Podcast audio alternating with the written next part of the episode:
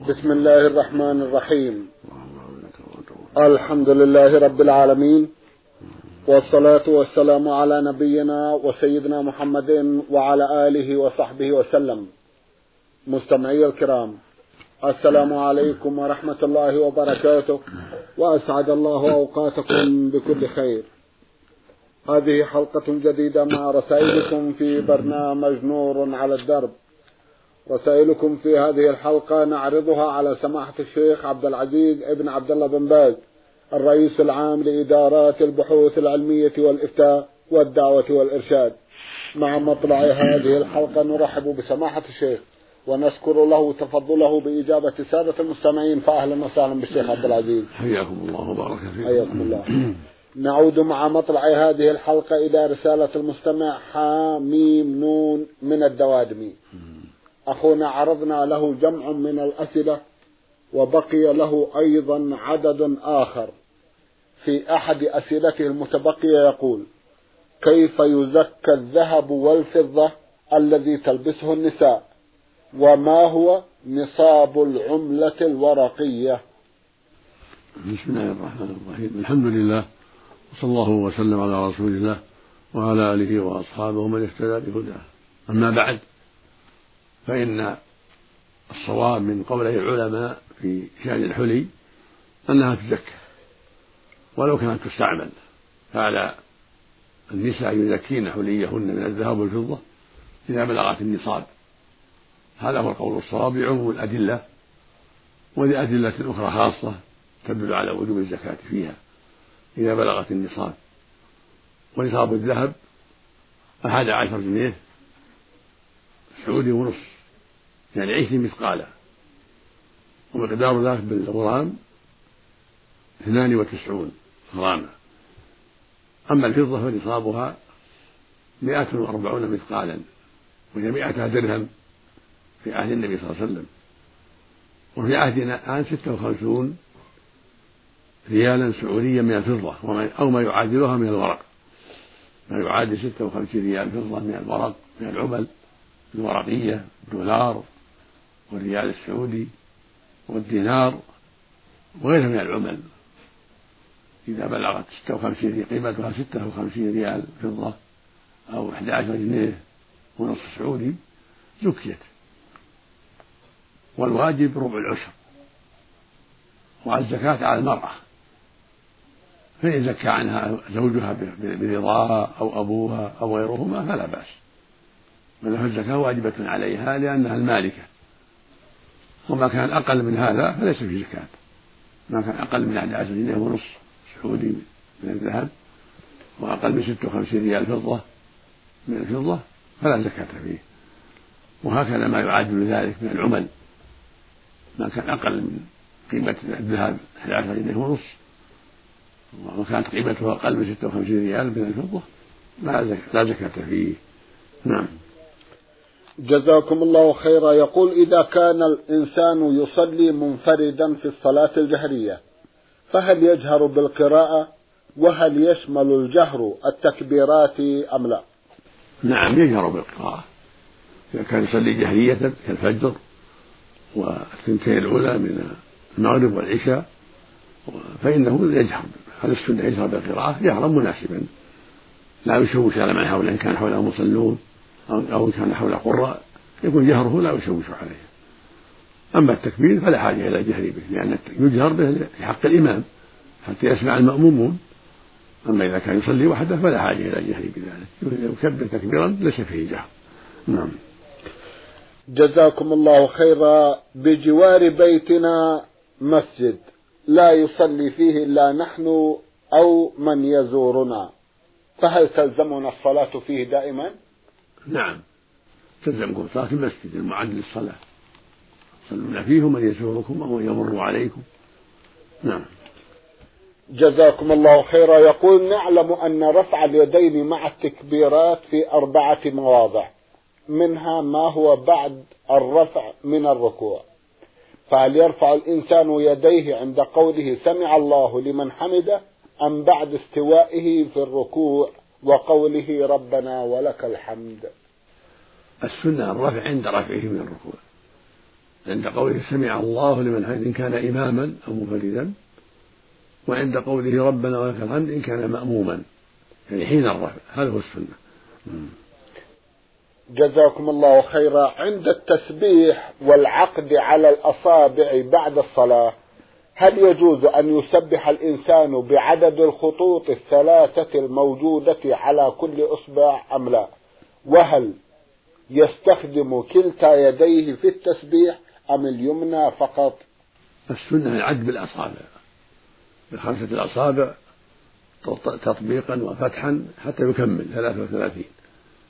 فيكون باليمنى أفضل. وإن سبح بالثنتين فلا حرج. والسنة يقول سبحان الله والحمد لله والله أكبر ثلاثا وثلاثين مرة. ثم يختم بقول لا إله إلا الله وحده لا شريك له له الملك وله الحمد وهو على كل شيء قدير. كما جاء في الحديث الصحيح. وإن أفرد فسبحان الله سبحان الله سبحان الله ثلاثة وثلاثين. الحمد لله الحمد ثلاثة وثلاثين. الله أكبر الله أكبر ثلاثة وثلاثين. فلا فلا بأس بهذا. كله طيب. وإن جمعهما كان أضبط وأسهل. سبحان الله والحمد لله والله أكبر ثلاثة وثلاثين مرة. الجميع تسعة وتسعون. ثم يختم المئة بقول لا إله إلا الله وحده لا شريك له. له الملك وله الحمد وهو على كل شيء قدير. وإن شاء قال يحيي ويميت. كله طيب. لا إله إلا لا شريك له الملك وله الحمد يحيي ويميت وهو على كل شيء قدير. أو يزيد بيده الخير وهو على كل شيء. كله طيب. كل هذا جاء النبي صلى الله عليه وسلم في أنواع الذكر. جاء عنه صلى الله عليه وسلم في أنواع الذكر أنواع. منها لا إله إلا الله وحده لا شريك له الملك وله الحمد وهو على كل شيء قدير. ومنها لا إله إلا الله وحده لا شريك له الملك وله الحمد يحيي ويميت وهو على كل شيء قدير. ومنها لا إله إلا الله وحده لا شريك له الملك وله الحمد بيده الخير وهو على كل شيء قدير. ومنها لا إله إلا الله وحده لا شريك له الملك وله الحمد يحيي ويميت بيده الخير وهو على كل شيء قدير. ومنها لا إله إلا الله وحده لا شريك له له الملك وله الحمد يحيي ويميت وهو حي لا يموت بيده الخير وهو على كل شيء. كله طيب والحمد لله. نعم. جزاكم الله خيرا. يقول إذا كان الإنسان إماما فهل يجوز له الدعاء في سجوده؟ مثل رب اغفر لي ذنبي كله دقه وجله أوله وآخره. وغير ذلك. كذلك الدعاء بعد التشهد الأخير مثل قوله أعوذ بالله من عذاب جهنم وعذاب القبر وفتنة المحيا وفتنة المسيح الدجال. وهل يستحب للإمام وغيره في الصلاة المفروضة الدعاء في السجود وبعد التشهد الأخير والزيادة في التسبيح في الركوع والسجود أم أنه يقتصر على أدنى الكمال؟ المشروع للجميع الإمام والمنفرد والمأموم. يشرع للجميع الدعاء في السجود. يقول النبي صلى الله عليه وسلم أما الركوع فعظموا فيه الرب وأما السجود فاجتهدوا في الدعاء فقمن أن يستجاب لكم يعني حري أن يستجاب لكم رواه مسلم في الصحيح. ويقول أيضا عليه الصلاة والسلام أقرب ما يكون العبد من ربه وهو ساجد فأكثر الدعاء. خرج مسلم في الصحيح أيضا. فالسنة للجميع الإمام والمأموم والمنفرد والرجل والمرأة الإكثار من الدعاء في السجود. ومن دعائه صلى الله عليه وسلم في السجود اللهم اغفر لي ذنبي كله دقه وجله وأوله وآخره وعنة وسره رواه مسلم في الصحيح من دعاء النبي عليه الصلاة والسلام. ومن الدعاء الحسن في السجود أن يقول اللهم اغفر لي ولوالدي ولجميع المسلمين ويقول اللهم أصلح قلبي وعملي وارزقني الفقه في دينك. ويقول اللهم يا مقلب القلوب ثبت قلبي على دينك ومن التسبيح سبحانك اللهم ربنا وبحمدك اللهم اغفر لي. سبوح القدوس رب الأكبر ويكرر ذلك ما تيسر. ويقول في السجود أيضا سبحان ربي الأعلى سبحان ربي الأعلى. لا يقتصر على واحد مرة بل يزيد ثلاثا أو خمسا أو سبعا. هذا أفضل. وهكذا في الركوع سبحان ربي العظيم سبحان ربي العظيم سبحان ربي العظيم. وأدنى الكمال ثلاثة وإن زاد فهو أفضل خمسا وسبعا وعشرة هو أفضل. لكن يتحرى الإمام ألا يشق على الناس تكون صلاته وسطا. ليس فيها تطويل يشق على الناس ولا تخفيف يخل بالواجب ولكن بين ذلك. ويكثر من قوله في الركوع والسجود سبحانك اللهم ربنا وبحمدك اللهم اغفر لي. سبوح قدوس رب الملائكة والروح. تقول عائشة رضي الله عنها كان النبي صلى الله عليه وسلم يكفي أن يقول في ركوعه وسجوده سبحانك اللهم ربنا وبحمدك اللهم اغفر لي. متفق على صحته. ويقول صلى الله عليه وسلم في السجود والركوع سبوح القدوس رب الملائكة والروح. ويدعو في التشهد الأخير. بعد الصلاة على النبي صلى الله عليه وسلم يدعو اللهم إني أعوذ من عذاب جهنم ومن عذاب القبر ومن فتنة المحيا والممات. ومن فتنة المسيح الدجال. اللهم أعني على ذكرك وشكرك وحسن عبادك اللهم اغفر لي ما قدمت وما أخرت وما أسررت وما أعلنت وما أسرفت وما أنت أعلم مني أنت المقدم وأنت المؤخر. لا إله إلا أنت. ومن الدعاء المشروع اللهم إني ظلمت نفسي ظلما كثيرا ولا يغفر الذنوب إلا أنت. فاغفر لي مغفرة من عندك وارحمني إنك أنت الغفور الرحيم. هذا دعاء عظيم مشروع في السجود وفي التشهد قبل السلام. ومن الدعاء المشروع قبل السلام اللهم إني أعوذ من البخل وأعوذ من الجبن وأعوذ بك أن أرد إلى أرض العمر وأعوذ من فتنة الدنيا ومن عذاب القبر. وإن دعا بغير هذا من الدعوات الطيبة فكله حسن قبل أن يسلم. لكن إذا كان إماما لا يطول تطويلا كثيرا على الناس. حتى لا يشق عليهم. أما المأموم تبع إمامه يدعو حتى يسلم إمامه. والمنفرد له أن يطول ما شاء لأنه لا ليس خلفه من يشق عليه. فله يصلي كيف شاء مع مراعاة الأمر الشرعي في كل شيء. نعم. جزاكم الله خيرا. يقول إذا كان الشاب في بداية حياته قد ضيع بعض الصلوات وتركها وكذلك الصيام جهلا وتكاسلا ثم تاب بعد ذلك وندم فهل عليه إعادة لما ترك من الصلوات والصيام؟ علما بأنه لا يستطيع تحديدها. أفتونا مأجورين جزاكم الله خيرا. ليس عليه قضاء والتوبة كافية إذا كان لا يصلي ولا يصوم أو عنده أنواع من الكفر الأخرى فإن التوبة تكفي. يقول الله جل وعلا قل للذين كفروا إن ينتهوا يغفر لهم ما قد سلف. ويقول جل وعلا قل يا عبادي الذين أسرفوا على أنفسهم يعني بالشرك والمعاصي لا تقنطوا من رحمة الله. إن الله يغفر الذنوب جميعا إنه الغفور الرحيم. أجمع العلماء على أن الآية المذكورة في التائبين. فإذا كان لا يصلي ولا يصوم أو كان يسب الدين أو كان يشرك بغير الله يدعو الأموات يستغيث بأهل القبور أو بالأصنام والأشجار فإنه متى تاب؟ توبة صادقة تاب الله عليه.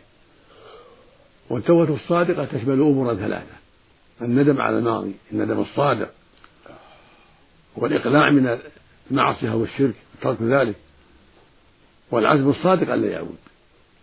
رغبة فيما عند الله وإخلاصا له ومحبة له وتعظيما له فإن هذه التوبة تمحو ما قبلها من جميع أنواع الشرك والمعاصي. الأمر الأول الندم على الماضي خوفا من الله وتعظيما له. الأمر الثاني الإقلاع من الذنوب من الكفر والمعاصي. الأمر الثالث العزم الصادق ألا يعود في ذلك. فمتى فعل هذا خوفا من الله وتعظيما له ورغبة فيما عنده وإخلاصا له سبحانه تاب الله عليه. ومحى عنه جميع الذنوب وليس عليه قضاؤها. لا صلاة ولا صيام ولا غير ذلك. التوبة تجب ما قبلها. وإن كان عنده حق المخلوقين فلا بد من الرادع وهو رد حقوقهم إليهم كالسرقات والغصوب يعطيهم حقوقهم. وهكذا قصاص إذا قتل لهم أحدا يعطيهم حقهم بالقصاص أو الدية. لا بد من أداء الحق للمخلوق أو استحلاله إذا أحله وسامحه لا بأس. أما إن كان فعله ليس بكفر أكبر كترك الصيام فقط ولا هو يصلي لكن فرط في بعض الصيام فإنه يقضي. كان يصلي ولكن تفرط في بعض الصيام أو في الزكاة ما زكى ليس بكافر. ترك الصيام ليس بكفر إذا كان يؤمن بالوجوب وأن رمضان واجب عليه ولكن تساهل ففرط في بعض الصيام يقضي. عليه القضاء والتوبة إلى الله وعليه أداء الزكاة عما مضى إذا كان لا يزكي. مع التوبة الصادقة والله يتوب على التائبين. أما ترك الصلاة فكفر أكبر نعوذ بالله من ذلك. كما قال النبي صلى الله عليه وسلم في الحديث الصحيح العهد الذي بيننا وبينه الصلاة فمن تركها فقد كفر. وقال عليه الصلاة والسلام بين الرجل وبين الكفر والشرك ترك الصلاة. الصلاة أمرها عظيم. وهي عمود الإسلام. من حفظها حفظ دينه ومن ضيعها ضيع دينه. نسأل الله العافية. فالواجب على كل مسلم أن يحذر تركها والتساهل بها. على الجميع رجالا ونساء أن يتقوا الله. وأن يحافظ على الصلوات الخمس في أوقاتها. وأن يؤديها الرجل في الجماعة. هذا هو الواجب على الجميع. فمن ضيعها وتهاون بها وتركها كفر نسأل الله. في أصح قول العلماء. أما إن جحد وجوبها وقال به واجبة هذا يكفر عند الجميع عند جميع الأمة عند جميع أهل العلم. من قال إنها غير واجبة أو إن واحدة منها غير واجبة كالظهر أو العصر أو المغرب أو العشاء أو الفجر كفر إجماعا. أما إذا كان يؤمن بأنها واجبة ولكن يتساهل ويتركها أو بعضها فإنه يكفر بذلك نسأل الله العافية. أما إن كان يصلي لكن في البيت فهذا يكون عاصي وعليه التوبة إلى الله وأن يصلي في الجماعة. وصلاته مجزئة لا يعيدها لكن عليه يصلي في الجماعة ويتوب مما سلف إذا كان لا يصلي في الجماعة بل يصلي في البيت يجب أن يصلي مع الجماعة وأن يتوب إلى الله مما سلف. أما النساء فعليهن الصلاة في البيت والسنة لهن الصلاة في البيوت. ومن صلت مع الجماعة صلاتها صحيحة لكن الأفضل في حق النساء الصلاة في البيت. نعم. جزاكم الله خيرا في صيام التطوع إذا طرأت على الإنسان نية في النهار قبل أن يأكل شيئا فهل له ذلك؟ نعم له يصوم في النهار. إذا كان ما أكل شيء ولا تعاطى مفطرا مفطرا فلا بأس. لو أصبح ما أكل شيئا ولا تعاطى ما يفطره ثم أراد أن يصوم الضحى فله ذلك. ثبت عن رسول الله صلى الله عليه وسلم أنه دخل على عائشة فسألها هل عندها شيء؟ قالت لا. قال إني إذا صائم رواه مسلم في الصحيح احتج به العلماء على أن المتنفل له يصوم أثناء النهار إذا كان لم يتعاطى مفطرا. وله أجره من حين والصيام له أجره من حين والصيام. أما المهترد لا لابد أن يصوم من أول النهار لابد من طلوع الفجر. صاحب الفريضة عن رمضان أو عن كفارة أو عن نذر لابد أن تكون النية قبل طلوع الفجر. نعم. جزاكم الله خيرا في صيام التطوع. إذا دعي الإنسان لوليمة فأفطر فهل عليه إعادة لذلك اليوم الذي أفطره؟ لا حرج لا أفطر لا, قضاء عليه. المتنفل أمير نفسه. لكن الأفضل له أن يتمم ويعتذر يأتيهم يجيب الدعوة نعم. ويقول إني صائم ويدعو لهم وينصرف. وإن رأى من المصلحة أن يفطر فلا حرج في ذلك. جزاكم الله خيرا. يسأل ويقول ما حكم طواف الوداع بالنسبة للحاج والمعتمر؟ ومن اعتمر ولم يطف طواف الوداع فهل عليه شيء؟ طواف الوداع واجب في حق الحاج على الصحيح. لأن الرسول عليه السلام قال لا ينفرن أحد حتى يكون آخر أحد البيت. رواه مسلم في الصحيح. قال ابن عباس رضي الله عنه أمر الناس أن يكون آخر عهدهم البيت إلا أن يخف عن مرأة الحائض. فالحاج عليه يودع البيت بسبعة أشواط يطوف البيت سبعة من دون سعي ويصلي ركعتين ثم ينصرف إلى أهله. لأن الرسول صلى الله عليه وسلم فعل ذلك.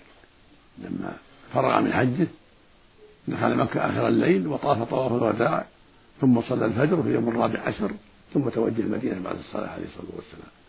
وقال عليه الصلاة والسلام خذوا عني مناسككم. اللهم صل عليه. اللهم صل عليه.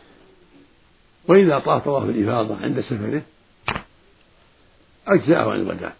لو أخر طواف الحج حتى اليوم الرابع عشر أو الخامس عشر ثم طاف وسافر كفاه عن الوداع والحمد لله. أما المعتمد فاختلف العلماء في ذلك. هل عليه طواف الوداع؟ على قول العلماء والأرجح أنه لا يلزمه طواف وداع المعتمد لأدلة كثيرة لكن إذا طاف الوداع فهو أفضل. ويكون طوافه عند الخروج كالحاج عند خروجه. وإن ترك الوداع فلا حرج عليه. وإذا كان ما لم يقم بعد العمرة طاف وسعى ثم مشى فلا طواف عليه عند الجميع. طوافه سعيه للعمرة كافي مثل الحاج لو طاف طواف الإفاضة ومشى بعد طواف الإفاضة في اليوم الرابع عشر أو بعد بعد الرمي الجمار أجزأه عن الوداع فالذي طاف العمرة وسعى ثم مشى في الحال ما عليه وداع. إنما الوداع على من تأخر وأقام بعد العمرة هل يودع أم لا؟ إذا ودع فهو أفضل وإلا فلا يلزمه. لأن الرسول صلى الله عليه وسلم ما أمر الذين اعتمروا أن يطوفوا الوداع. والذين أدوا العمرة في حجة الوداع لم يقل لهم لا تخرجوا حتى تودعوا البيت. وفيهم الرعاة يخرجون مسافة طويلة ولم يأمرهم بالوداع عليه الصلاة والسلام. ولما أحرموا الحج لم يأمرهم بالوداع بل أحرموا من مكانهم من أبطح وتوجهوا إلى منى ولم يأمرهم بالوداع عليه الصلاة والسلام. نعم.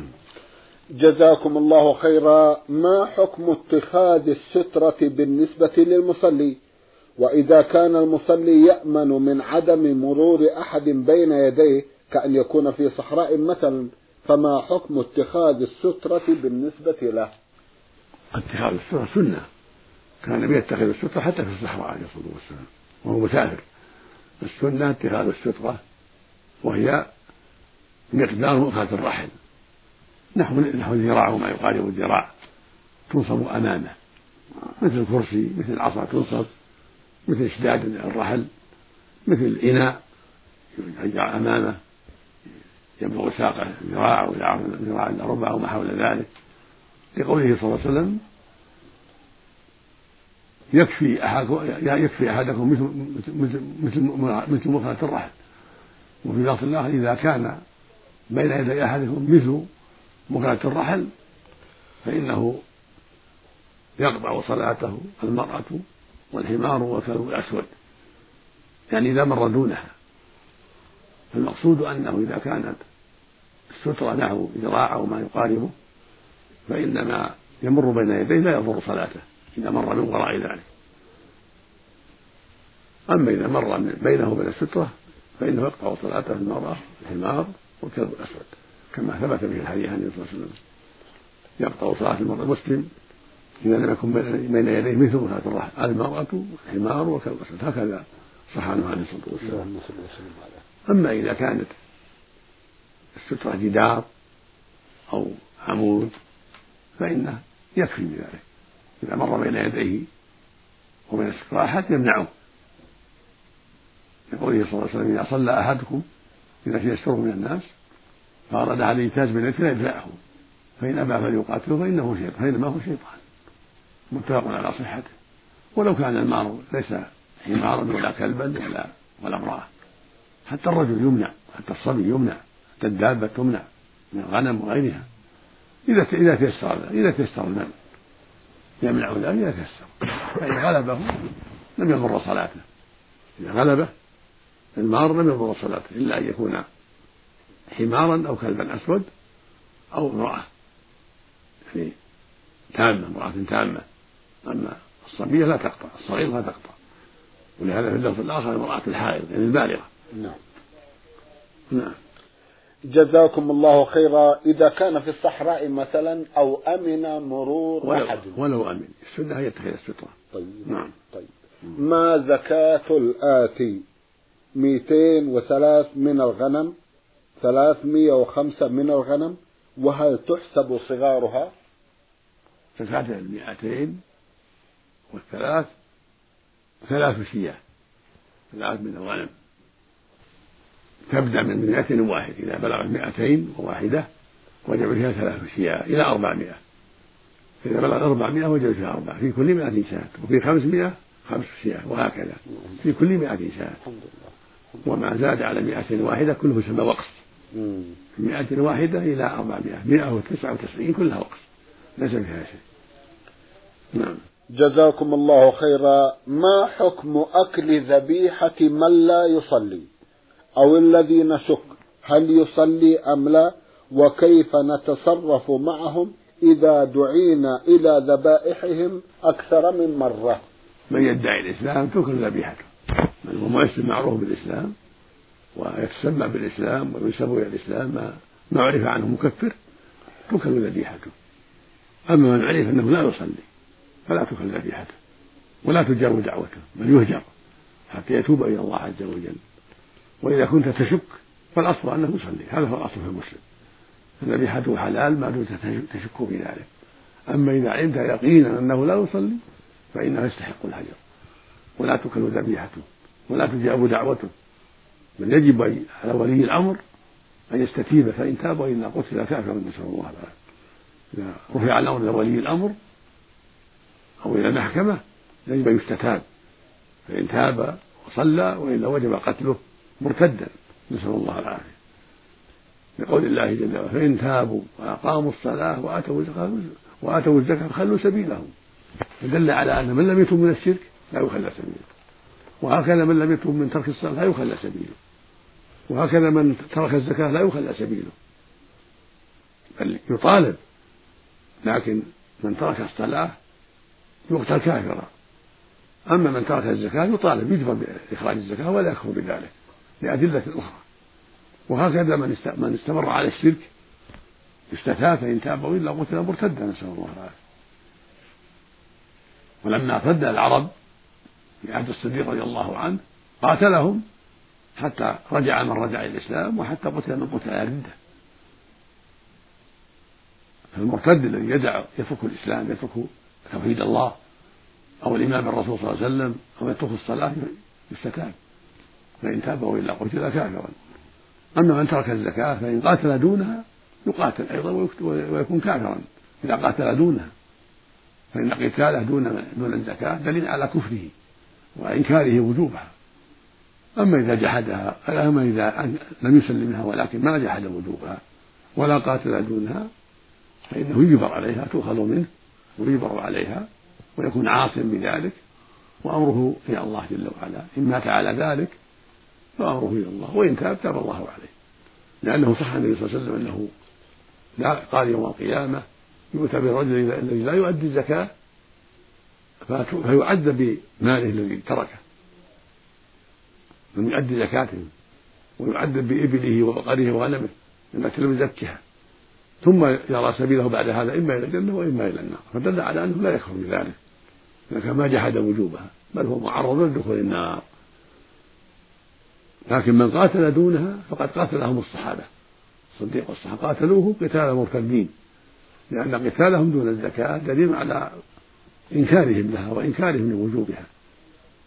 ولهذا عوملوا معاملة الكفار. نسأل الله العافية. نعم. اللهم آمين. سماحة الشيخ في ختام هذا اللقاء أتوجه لكم بالشكر الجزيل بعد شكر الله سبحانه وتعالى. على تفضلكم بإجابة السادة المستمعين وآمل أن يتجدد اللقاء وأنتم على خير. نرجو ذلك. مستمعي الكرام كان لقاؤنا في هذه الحلقة مع سماحة الشيخ عبد العزيز ابن عبد الله بن باز الرئيس العام لإدارات البحوث العلمية والإفتاء والدعوة والإرشاد. شكرا لسماحته. وأنتم يا مستمعي الكرام شكرا لحسن متابعتكم. وإلى الملتقى. وسلام الله عليكم ورحمته وبركاته.